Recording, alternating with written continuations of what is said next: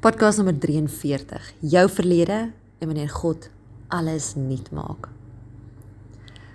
Ek love die skrifgedeelte in Openbaring 21 vers 5. Dit lees: Kyk, ek maak alle dinge nuut. Ag, oh, dis my soveel hoop in hierdie paar woorde vasgevang. Dis iets wat ek elke dag wil hoor en opleef.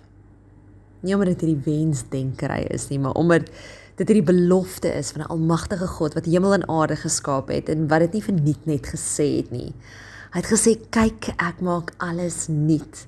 Hy weet wat die bedoeling agter hierdie woorde is. Want hy ken die volle verhaal. Jy sien hy het die boek geskryf. Hy is die outeur van die lewe wat gister, vandag en môre ken. Wat gister, vandag en môre dieselfde God is. Elke gedagte, elke wens, elke toekomsdroom, elke spyt, elke stuk seer ken hy so goed. Waaroor praat ek vandag? Ek wil op Openbaring 21 vers 5 wil ek my voete sit wat sê kyk ek maak alle dinge nuut. Want ja dames, ons verledes kan hierdie meelsteen, hierdie albatros om ons nekke word of ons kan die Here vertrou dat dit die wind onder ons vlerke gaan wees. Vandag sê ek vir 'n vrou, aanvaar jou verlede, want as jy dit nie doen nie, herleef jy dit oor en oor en oor. Ek het nou 'n baie mooi ding gehoor wat gesê het vertroue berus op aanvaarding en nie op antwoorde nie. Ag, oh, ek wil sê ouch, amen en haleluja. Dit is amper om in die midde van wat reeds gebeur het, besig is om te gebeur en nog sal gebeur te weet dat God 'n beheer is.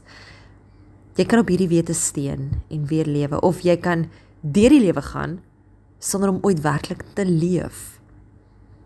Vrou, begrawe die verlede of kies om saam met die verlede se spooke te leef. Want om aan ou wonde te herkou is vir my soos om oor en oor dieselfde fliek te kyk en aan die einde of 'n ander einde dan te verwag. So leer en gaan voort.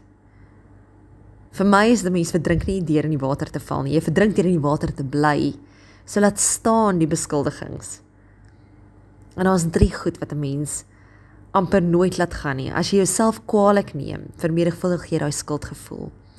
En jy ket in jouself in die verlede en dit vererger reeds daai lae selfagting wat 'n mens het.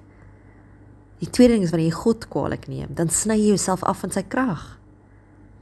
En jy verloor daai vertroue en jy skiet wortels van bitterheid wat jou so sinies maak. En die derde ding wat gevaarlik is, is wanneer jy ander kwaadlik neem, dan vergroot jy daai kloof tussen julle en dan is verloor die enigste opsie wat werk en dis vergifnis.